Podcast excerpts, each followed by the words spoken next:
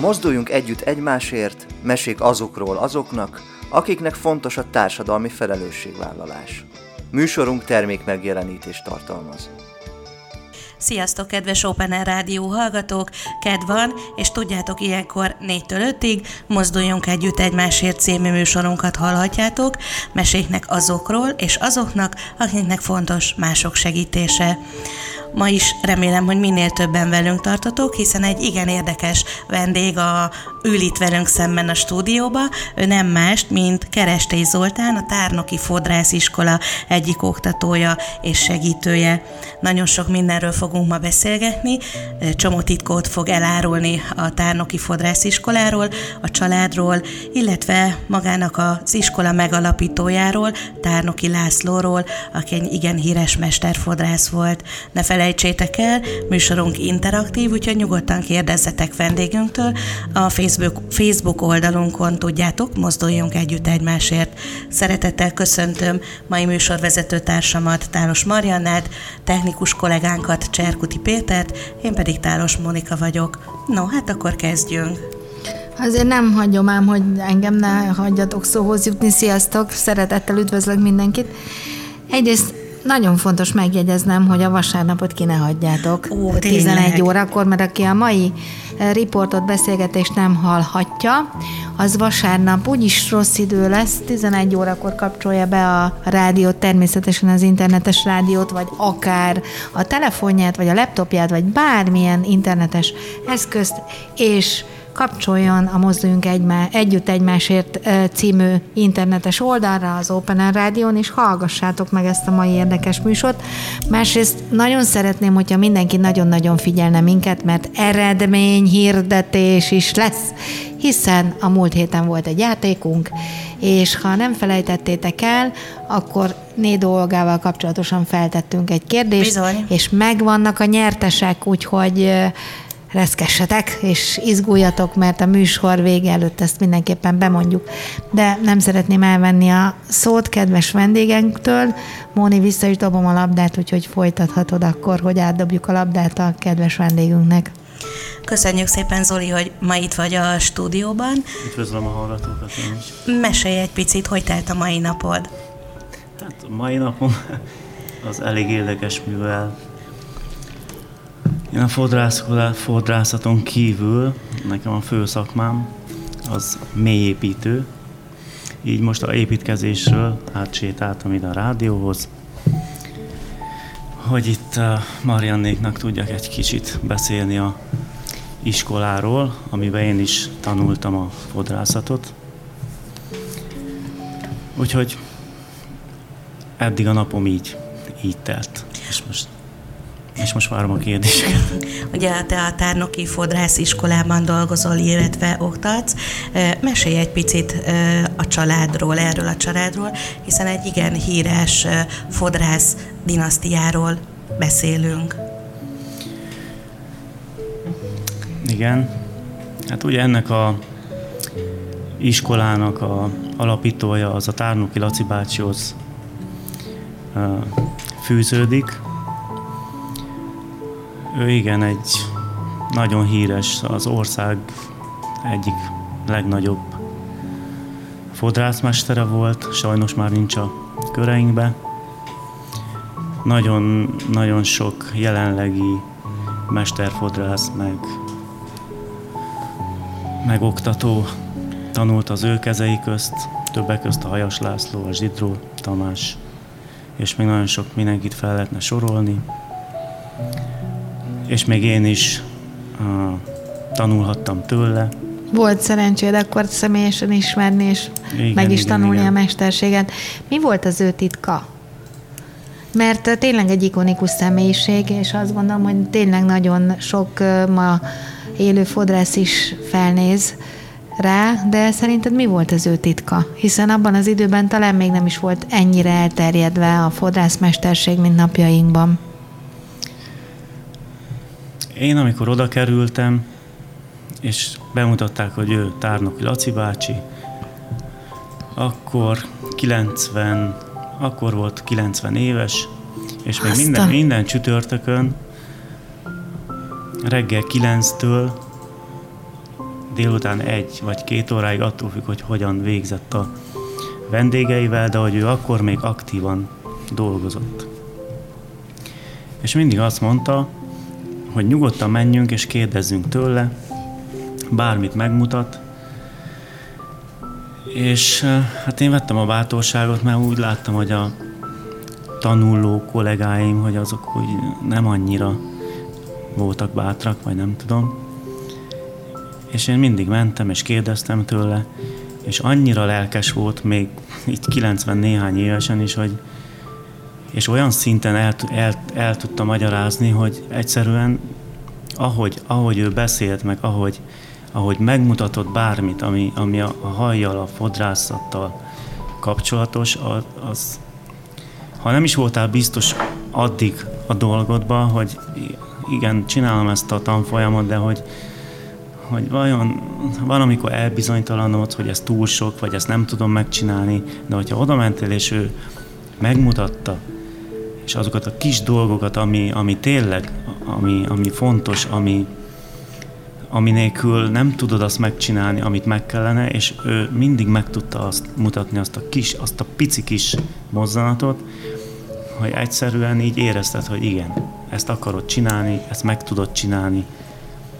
Szóval nem volt nála olyan, hogy, hogy ezt nem tudod megcsinálni, mert ő megmutatta, hogy meg tudod csinálni.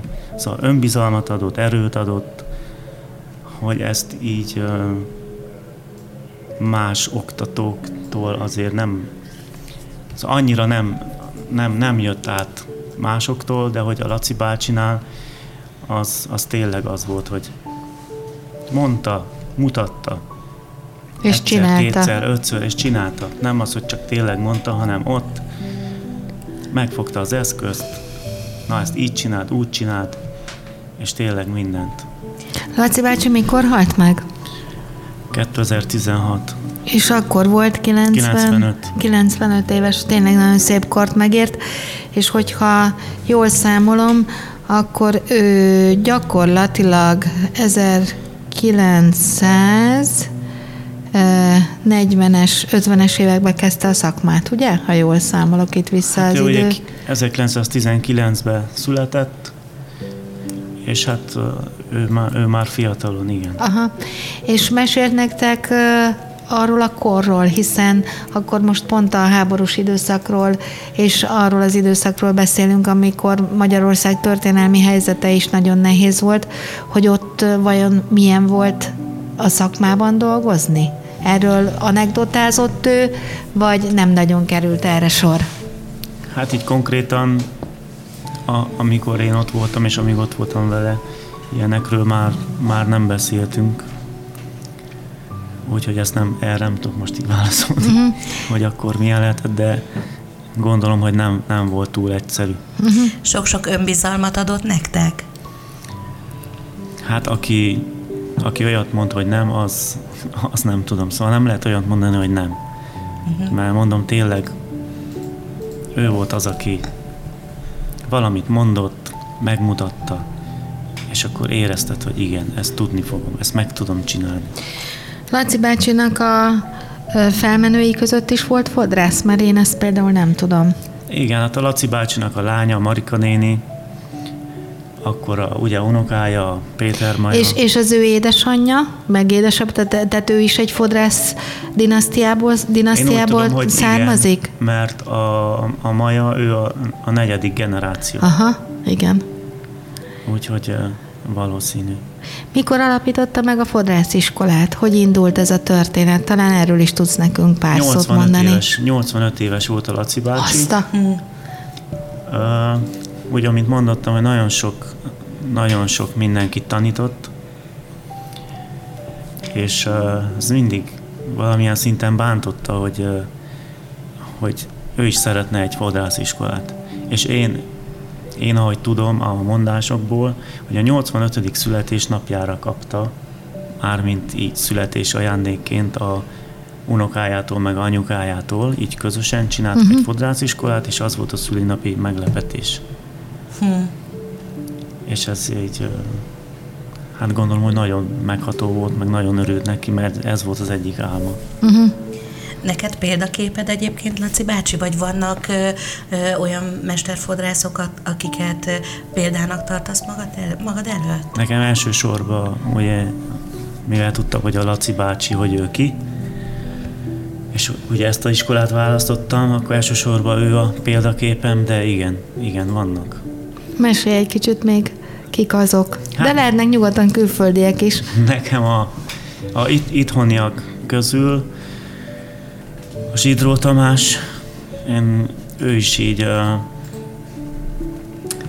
voltam po- pár rendezvényen, amikor, uh, amiket ő, ők csináltak a tévésorozatokban, meg és így a iskolán keresztül ismertem meg a, a Tamást is, és akkor ő tovább, tovább ilyen rendezvényekre mindig meghívott, Uh-huh. a Hajas Laci, őt is nagyon szeretem, és hogyha volt a beauty vagy valahol ilyen fellépés, vagy akkor oda is mindig elmentem. A Christian Carlo, ez a tetoválós, Uh-huh. azt, azt nagyon, nagyon szeretem, és akkor ilyen versenyekre mindig elmegyek, és akkor megnézem, a, hogy ugye ez is mennyire fejlődik, meg hogyan, hogy egyre egyre érdekesebb, meg komolyabb dolgokat ki lehet hozni a hajból, és nekem ebből a szempontból a Kárló, aki, aki így irányt adott. Hát a külföldiek közül az a Faruk Samuratov, a nagy konymester, nekem az a, a videóit nézem, és akkor a, van hét baba fejem, és akkor azon próbálok a, dolgozni, meg csinálom mindig a kontyokat. Versenyen indultál már, Zoli? Mert ugye mondtad, hogy azért elmész megnézni egy-egy versenyt, de te voltál-e már az indulók között? Voltam, voltam. Ugye a, szem 13-ba került rendezésre az első nemzetközi fonó bajnokság, amit ugyancsak a Tárnoki Laci bácsi szervezett, és akkor azon a versenyen indultam. Ott negyedik helyzet voltam. Ja, gratulálunk! Akkor a beauty volt, hogy ö, volt ö, bemutatásunk színpadon, meg utána ott is volt ilyen verseny, akkor azon is indultam. Hát meg a, ugye a, a iskola alatt, akkor is voltam három, három versenyen. Hogy képzeljünk el egy ilyen versenyt? Ez egész napos, félnapos, mert ugye nagyon sok mindenre kell figyelni, hiszen nem csak a hajról szól, hanem jól tudom, ilyenkor sminket is kapnak a, a hölgyek. Meg, meg Igen. talán különböző versenyek is vannak, nem? Tehát van, ahol hajvágás van, Nagyon- nagyon témák, sok- ugye? Nagyon sokféle Aha, kategória egy van. kicsit erről is beszélj nekünk. Hát a... Van a, férfi, férfi divat, Mondjuk a férfi, egy, egyre több férfi fodrásszalon nyílik, barbershopoknak hívják. Ugye most ez a, ez a nagyon cool hangvétel, eh, de hogy egyre divatosabbak a fér- férfi fodrásszalonok is. Bár egy laikus, meg talán egy ö, kicsit kívülálló hölgy úgy gondolja, hogy egy férfi hajból nem olyan sok mindent lehet csinálni, de azért nyugodtan mondd azt, hogy nem igaz, mert úgy tudom, hogy a, a te fő profilod is a férfi haj, ugye? Igen, igen. Hát igazából női, női hajakat nagyon, nagyon szeretek ö, festeni, meg kontyokat csinálni, meg, meg bármit igazából. De a, tényleg a férfi hajvágás, az nem tudom, a, a diákok is annyira rettegnek a férfi hajvágástól, pedig pedig az... Pedig azt elrontani sem lehet. Hát de azért el lehet, szerintem, akinek azért van haja, El lehet. szerintem azt simán el lehet rontani. Jó, csak mi, mi, mi lányok, hölgyek azért nehezebben viseljük, hogyha elrontják a hajunkat. Szerintem a férfiak ugyanannyira. Igen. Igen. Igen, de a, a nő, az én szempontomból a női, a női haj az, az igazából bonyolultabb, mint egy férfi hajvágás. És nem csak a szó szoros értelmében, hanem sokszínűbb is, nem? Tehát Hát a, igen, amennyi igen, mindent azt- lehet csinálni egy női hajból, Igen, az is sokkal sokszínűbb, de, de nagyon el lehet eh, rontani egy férfi hajat is. Eh, Mi most a trend a férfi hajvágásban? Hát most ugye van ez a, a bárberos vonal, ami a nullponttól indul, és különböző formák a fejtetőn alakulnak ki. Ugye a szakál, ami nagyon divatba Nagy divat, jött, igen. A szakál, a bajusz, ezeknek a kontúrozása, a vágása, ápolása, a festése. Hát Mennyire gyakori az, hogy egy férfi elkezdi festetni a haját? Mert azért ö, sajn, nem, nem, kritikával nem élünk. Tehát egyre, egyre több olyan férfi képet látok, ahol nyilván kivehető az, hogy egy kicsit hozzányúltak a színéhez. Ez egyre divatosabb, ugye a férfi körökben is talán, vagy csak, csak egy bizonyos kor után, vagy ezt hogy, hogy látod? Hát, nekem ugye, mint, mint hobbi fodrász, akár egy héten egyszer megy be a szalomba, hogy besegítsen a tárnoki fodrász iskolába. Nekem nincsen olyan, olyan vendégem, akinek férfi vendégem, akinek a haját festeni kellene. Én mindig meg tudom győzni, hogy most az, hogy egy picit elindult a, a hogy pár szürke ősz haj megjelenik, ha egy picit több van, akkor már, hogy ez egyre sármosabb. Szóval uh-huh. nem az van, hogy hú, ez most az öregedése, vagy valami, és akkor így meg tudom győzni. Uh-huh. És tényleg úgy van, hogy olyan volt, akit, aki festette a haját, aztán lebeszéltem, és amikor már annyira lenőtt, akkor, akkor tényleg előjött az, hogy fú, az tényleg, ez így tényleg jobb, mint feketén, vagy sötét uh-huh, uh-huh, uh-huh. És akkor azóta nem festi ő se a haját. Én azt gondolom egyébként, hogy női szemmel is sokkal sármosabb, jobb, mint egy erőltetett színezés vagy hajfestés, de mesélj egy kicsit arról is, hogy mik az új trendek a női frizurákban. Mert azt hiszem aztán a paletta az olyan széles, de és ugye minden, mint a divatban, meg a sminkben is mindig van egy divatrend, de 2020-nak mi a trendje?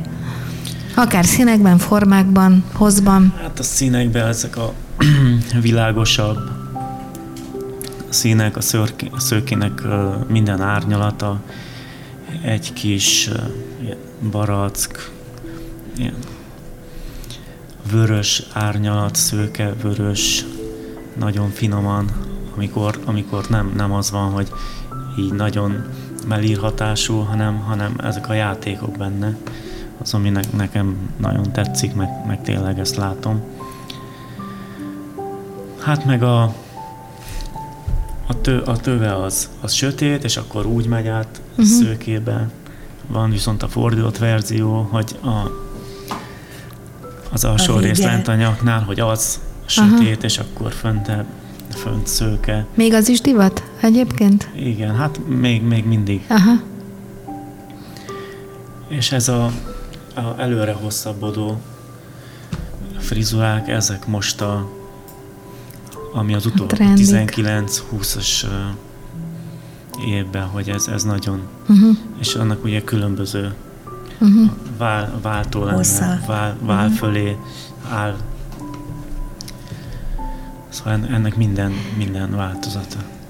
Zoli, egy picit ugorjunk vissza az időben, időbe, a te családodhoz, a te szüleidhez, nagyszüleidhez, hiszen onnan jött a példa, a fodrász, a vágás, fodrászat, a vágásnak a szeretete. Mesélj, hogy alakult ez ki? Hát ugye a fodrásziskolánál azt, azt tudják meg, akik ismernek, hogy én Erdélyből származom, És pontosan honnét? Székelyudvarhely, és a nagypapám, ő a, egy kis faluba, ő ott volt fodrász, Mi a falu neve? Nagykadácsban, Uh-huh. Nagy Kalács. Nagy Kadács. Ja, Kadács. Nagy Kadács. Azt hittem, nem, milyen szép név, Nagy Ott, Kalács. ö, ő volt a helyi fodrász, de így a családból igazából így senki, mármint eddig, senki nem vitte tovább ezt a vonalat, és akkor én egyszer csak úgy gondoltam, hogy Hát úgy jött, hogy én érzem, hogy meg kell próbálnom, mert én úgy érzem, hogy ezt, ezt fogom tudni csinálni, és akkor... De ez már, ez a felismerés felnőtt fejjel jött, vagy még ifjú korodban? Hát felnőtt. Jó, most sem vagy e, idős, tehát most is ifjú vagy. Hát akkor 19 éves voltam, akkor voltam katona, és a katonaságnál, amikor jöttek a újoncok, akkor eldöntöttem, hogy na, akkor most mindenki beül, és akkor onnattól kezdtem el hajat vágni. És akkor a katonaság után mindjárt akkor kerültem ki, mert nekem a, a nagy, nagyapámnak a három testvére, ő, ő itt kint ide kiköltöztek még a második világháborúkor, és uh, ugye nekem itt nagyon sok rokonom van, meg ilyenek, és akkor úgy jöttem ki rokonsághoz, és itt ragadtam. És itt a munkahelyen is, uh, hát megtudták, hogy jó, tudok hajat vágni, és akkor a munkatársaknak vágtam a haját, meg akkor a külsős cégekkel, akikkel dolgoztunk, akkor nekik is, és akkor így alakult ez a dolog.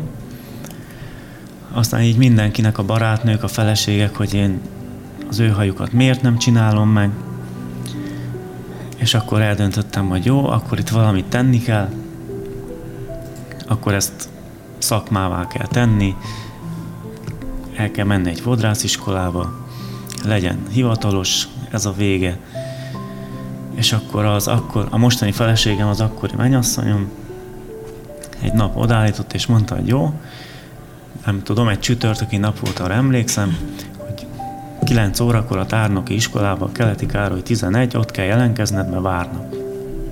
Hát mondom, jó. Szépen elintézte helyetted a jelentkezést. Igen, mert mindig toltam, húztam, vontam ugye a munkám mellett az ilyen nagyon hát zűrös, meg időhiány a szenvedek mindig, és akkor így mindig, hogy amikor, hogyha lazább lesz a dolog, ha majd lazább lesz, de tudtam, hogyha belevágok, akkor nem fogom abba hagyni, és akkor végig fogom csinálni bármi áron, és akkor ez így, így jött ez a dolog nagypapád azért tudott mutatni neked ö, olyan fogásokat, amit később is hasznosítottál? Vagy olló használat, vagy nem tudom, igen, igen, ilyesmiket? Igen. Hát ne, neki is még ez a kézi nullás hajvágó, uh-huh.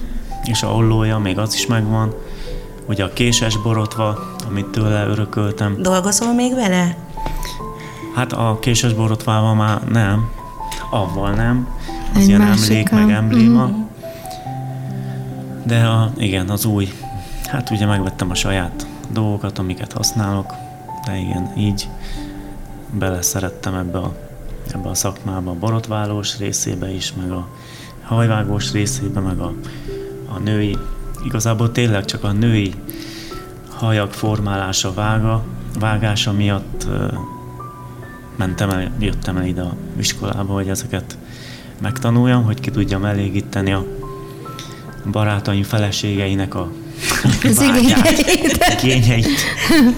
De ha jól, ha jól látom, egyébként az utóbbi években maga a technika és az eszközök is nagyon-nagyon sokat fejlődtek, tehát olyan eszközigényes lett a fodrászat, amit szerintem még egy jó 30 évvel ezelőtt senki nem is gondolt volna. Milyen új technikák vagy eszközök vannak? Egy kicsit erről is mesélj.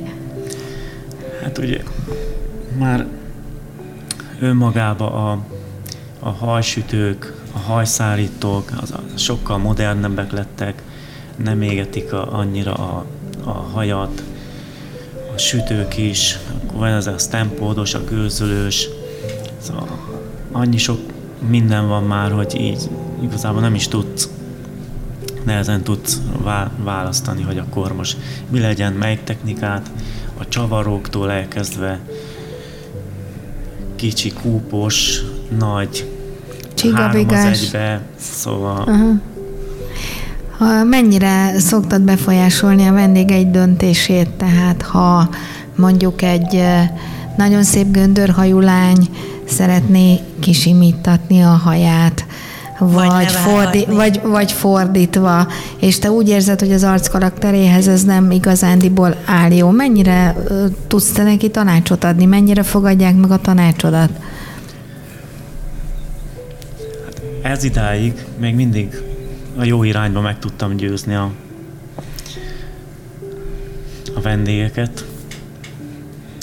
Úgyhogy szerintem jók a meglátásaim, meg tudom győzni őket, hogy tényleg ha valami szép és úgy szép, akkor, akkor tényleg ne akarjunk olyat, ami, amivel utána, mert ugye mindennek van úgy előnye, az ő szempontjából úgy érzi, hogy az előny lesz, hogyha neki most kiegyenesítjük a szép göndör haját, de viszont az lehet hátrány is, mert azt akkor folyamatosan kezelni kell.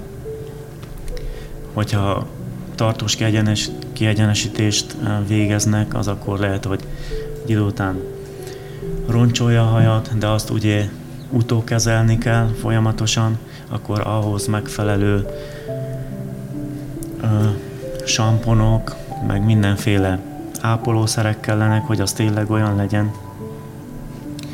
És akkor inkább így meggyőzöm, hogy jó, figyelj, ezek vannak, hogyha ezt vállalod, akkor csináljuk, de szerintem ez, ez így van jól, ahogy.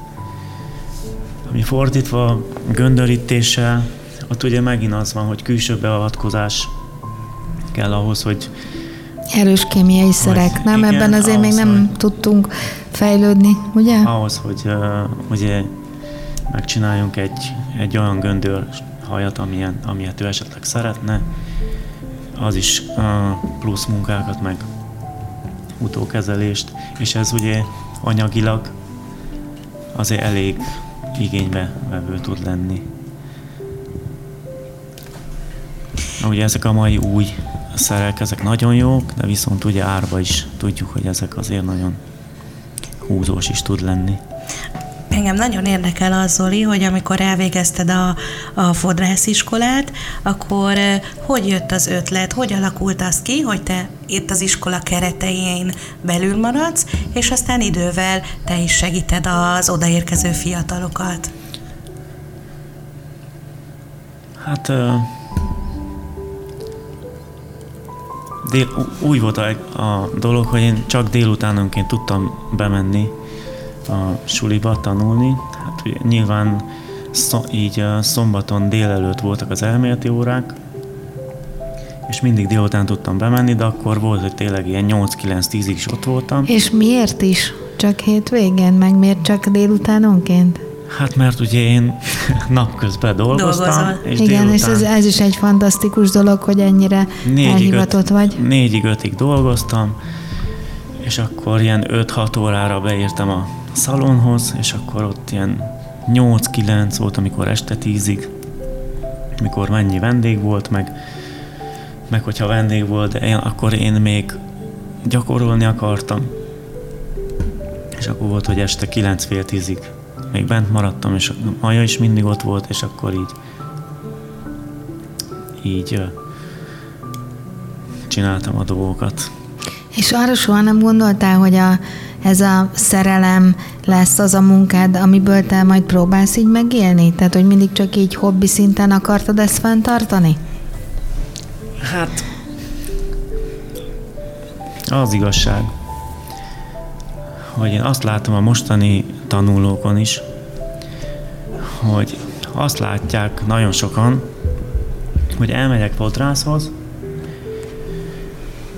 ha van egy félhosszú haja, mondjuk most egy hölgyről beszélünk, az, hogyha be, befesti, szárít, befesti, vágja, szárítja, és akkor azt mondja, hogy 10x ezer forint és azt mondják, hú, hát ez a fodrászból, fodrászkodásból, ez nagyon jó meg lehet élni. Megcsinálok egy nap négy hajat, és az már fú, mennyi sok pénz. Igen ám, csak ezt mindig mondom mindenkinek, hogy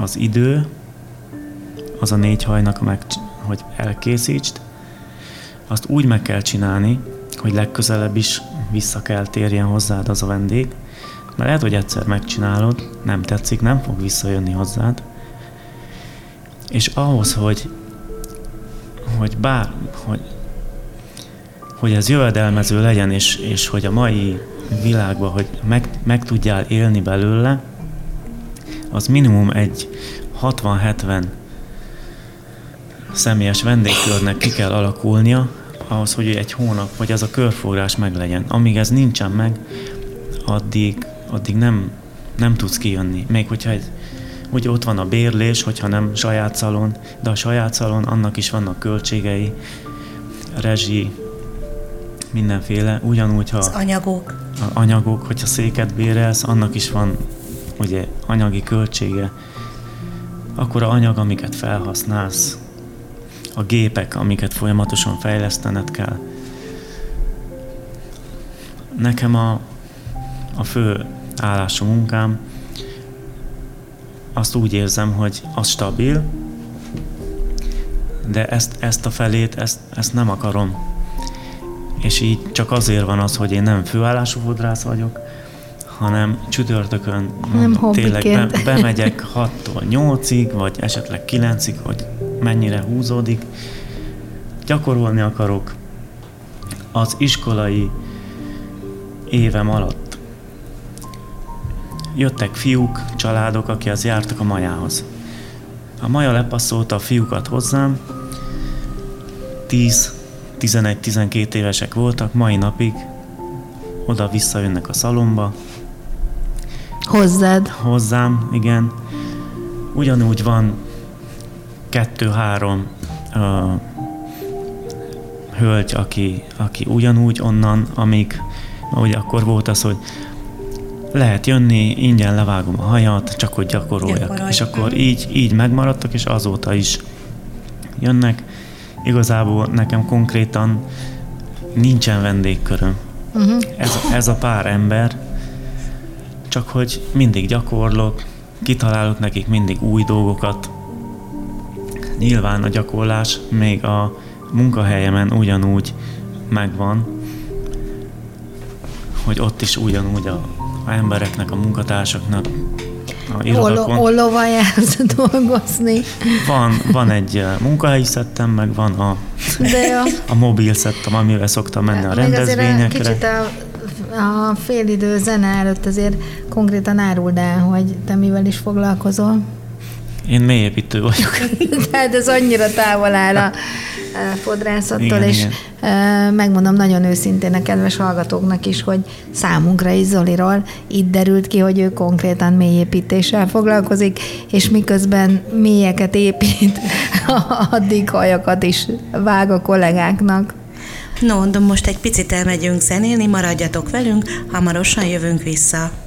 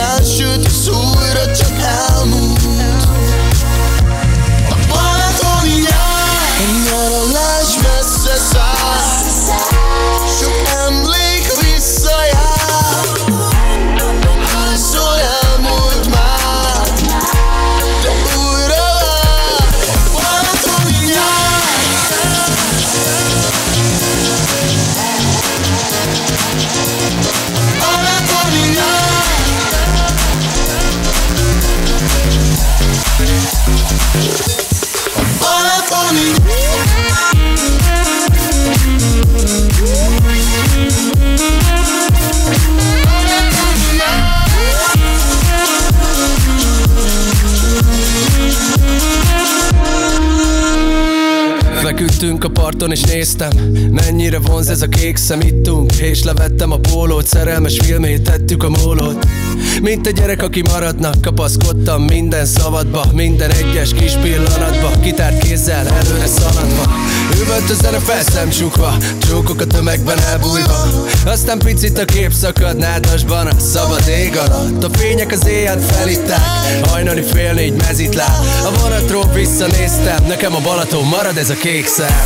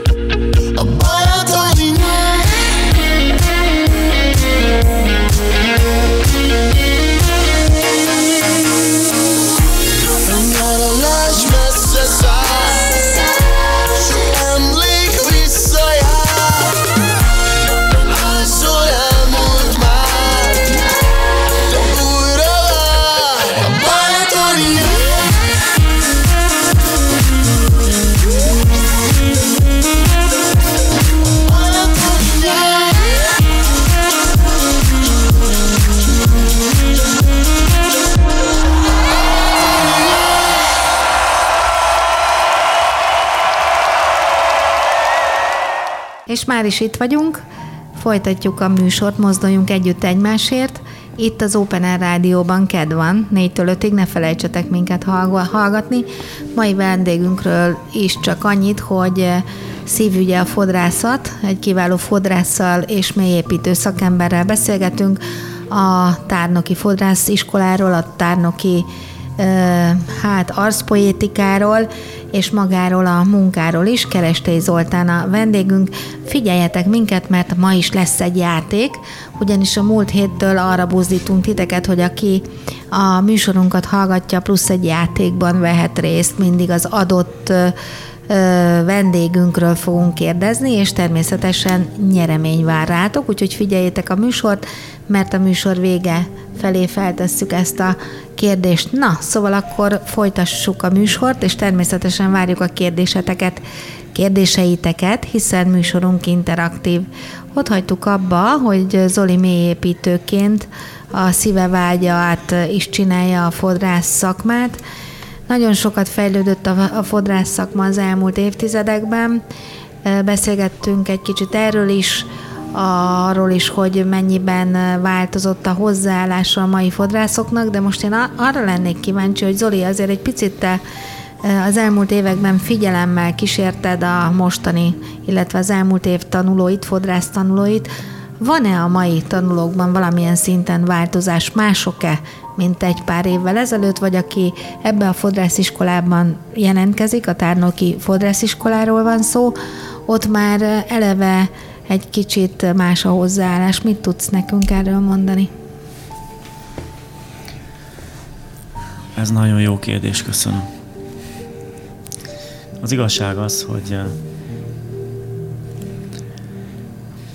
mindig olyan panaszokat hallani, hogy nagyon felhígult a fodrász szakma, mert hogy nagyon sokféle képzés van, és hogy ezek a képzések ugye OK és bizonyítványt adnak, és ezért nagyon sokan jelentkeznek, mert hogy akkor ugye az is már egy teljes szakma.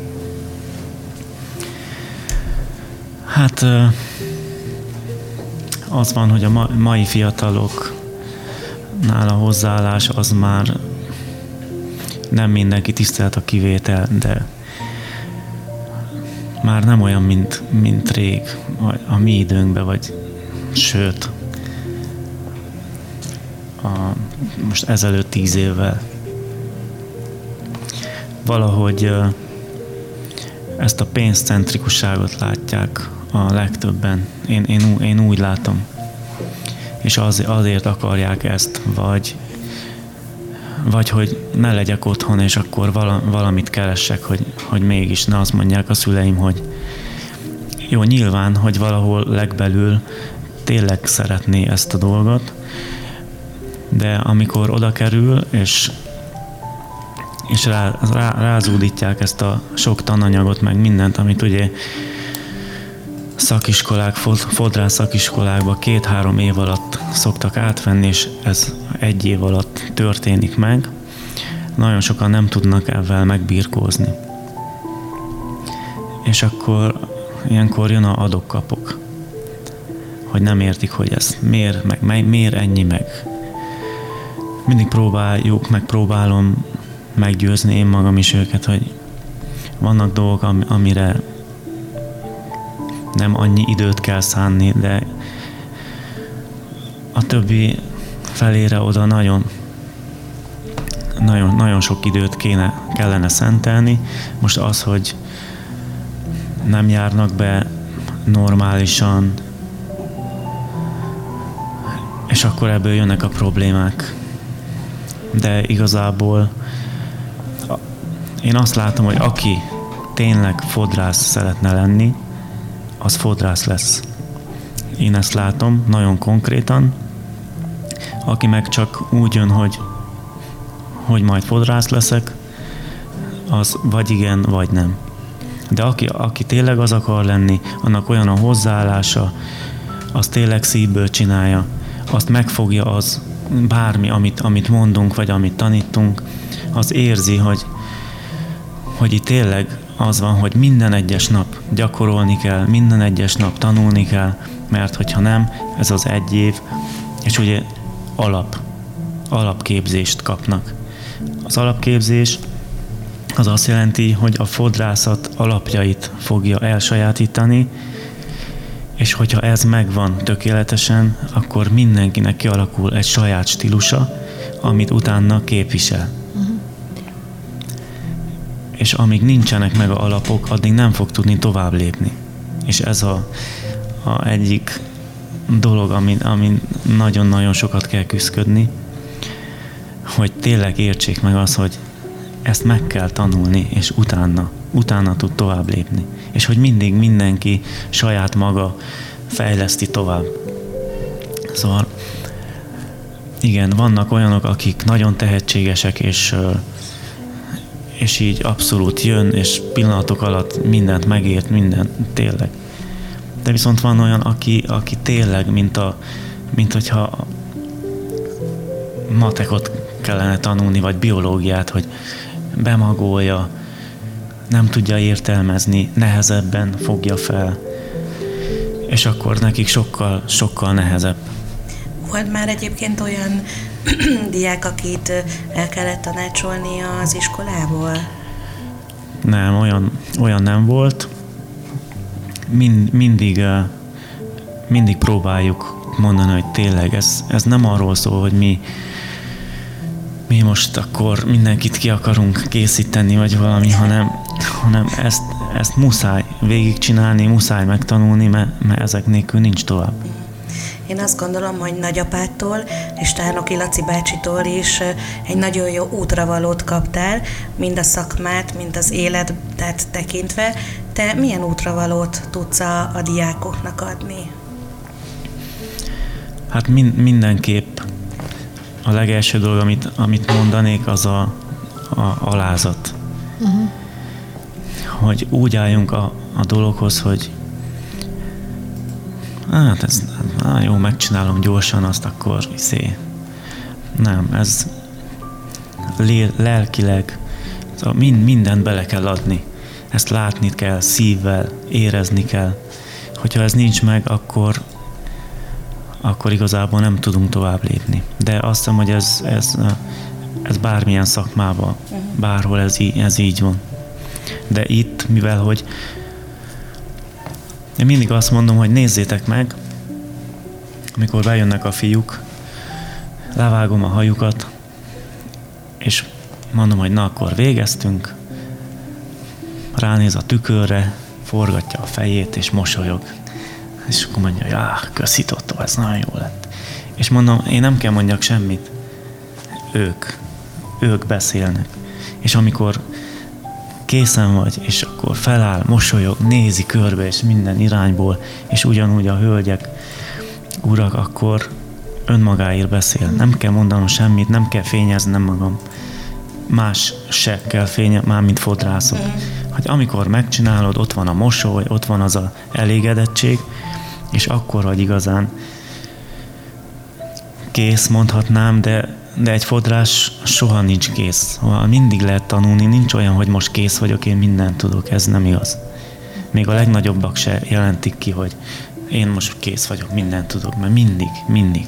És ugye a lényege ennek az, hogy az újítás, mindig a újítás, a napra kész lenni, mindig mindenbe, mert ugye ez nagyon kreatív szakma, úgyhogy itt a csillagos ég, a lehetőség, szóval nincs az, hogy mindent tudunk és megállunk, mert hogy fú, akkor most.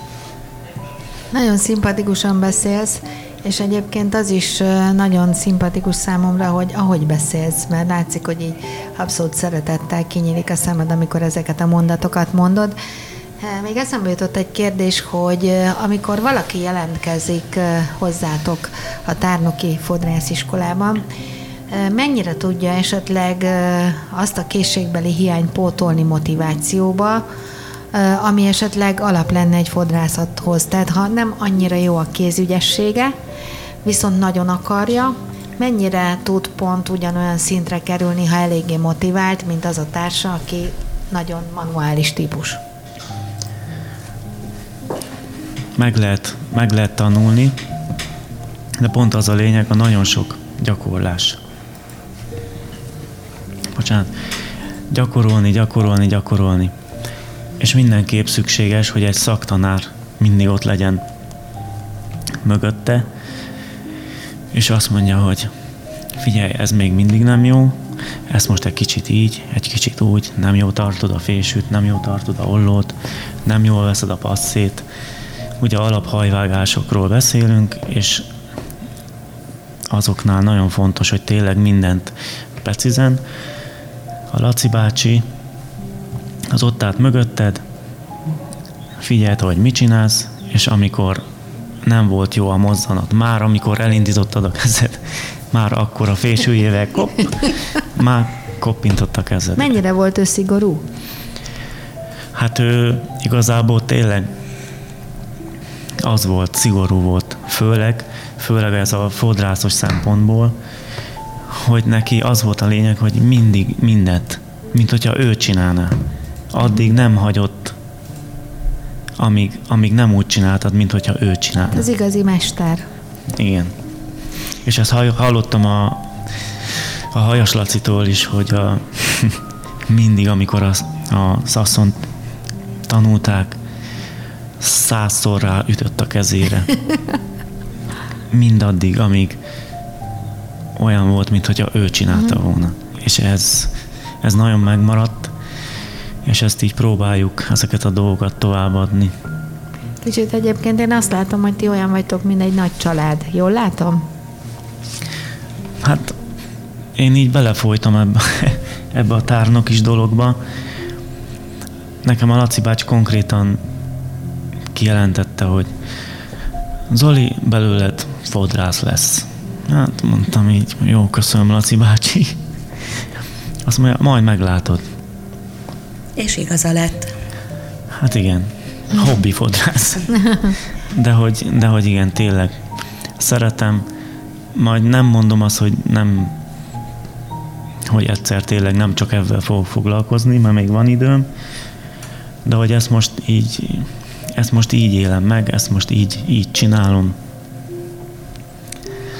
Úgyhogy el, a, vannak ilyen jótékonysági rendezvények, szoktam menni, ilyen árvaházi gyerekek, uh-huh.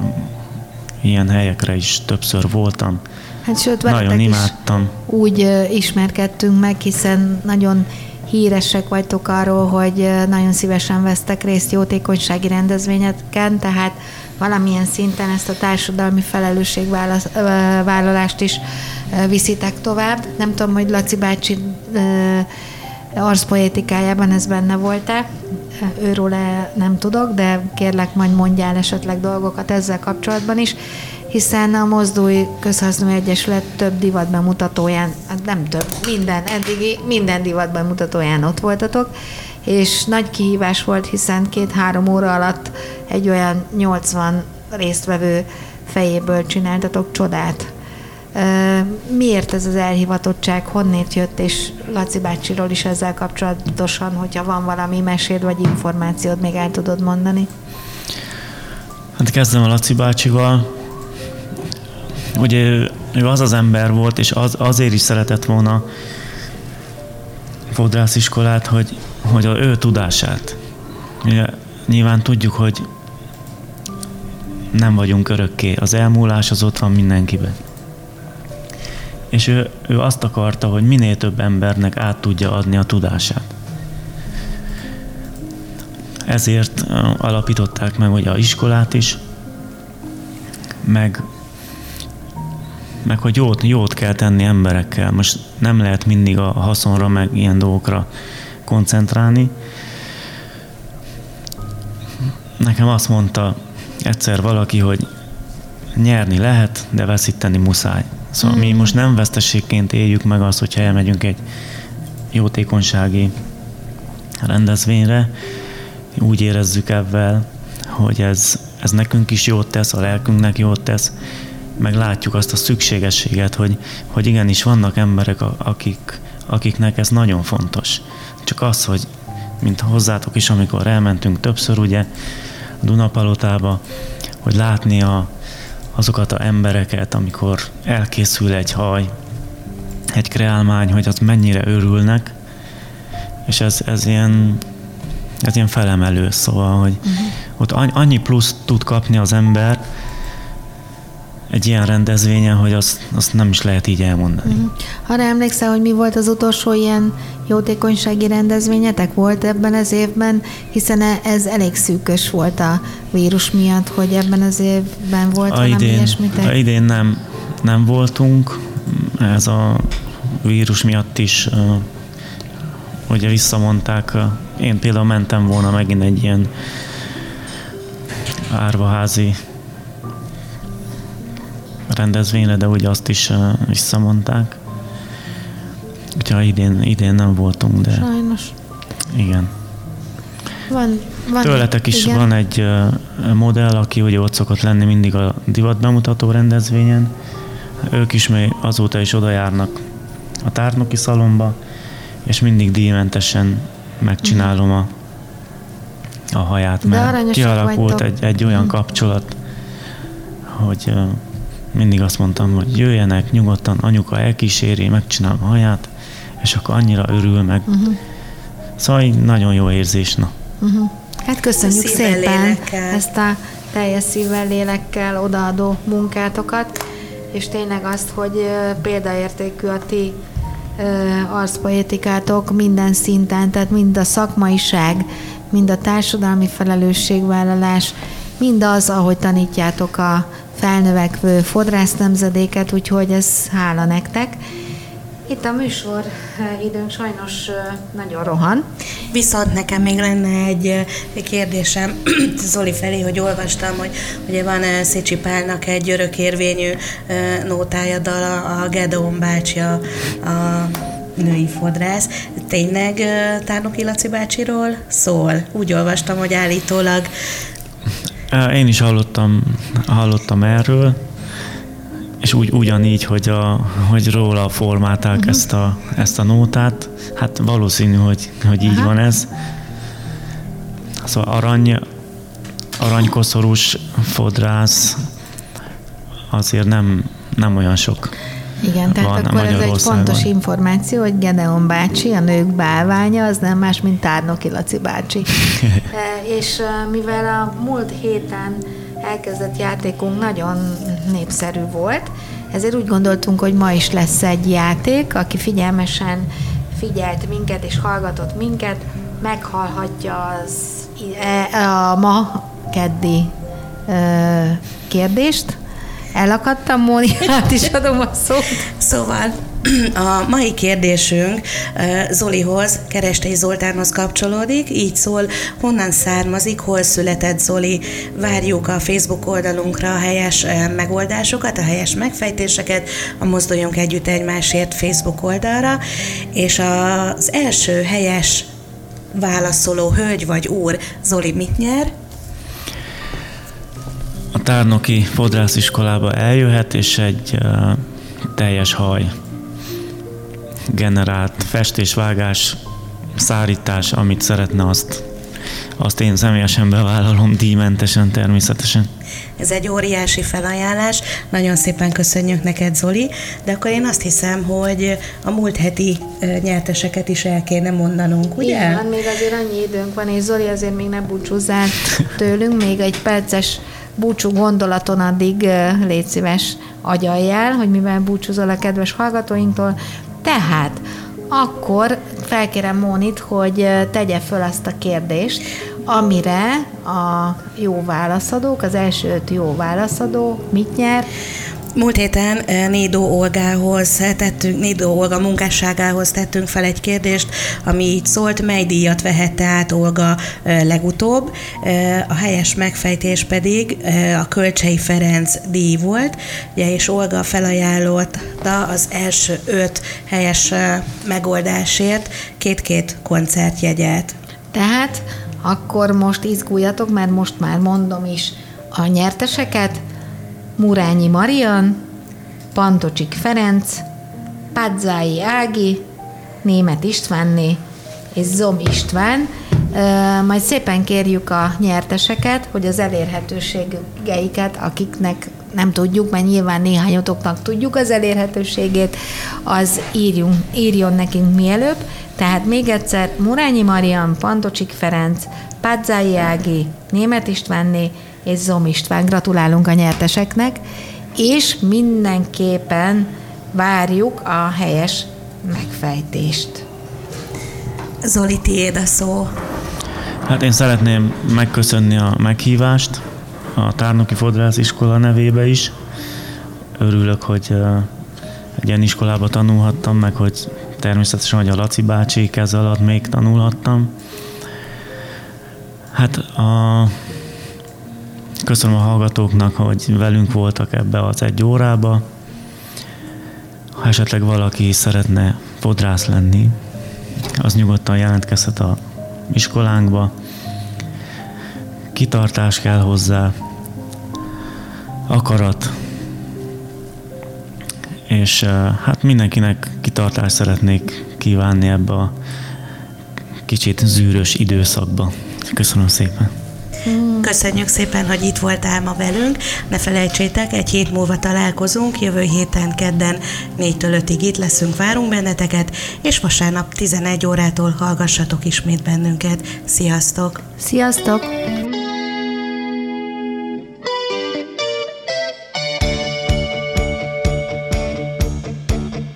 A Mozduljunk Együtt Egymásért mesék azokról azoknak, akiknek fontos a társadalmi felelősségvállalás. Műsorunk termék megjelenítést tartalmaz.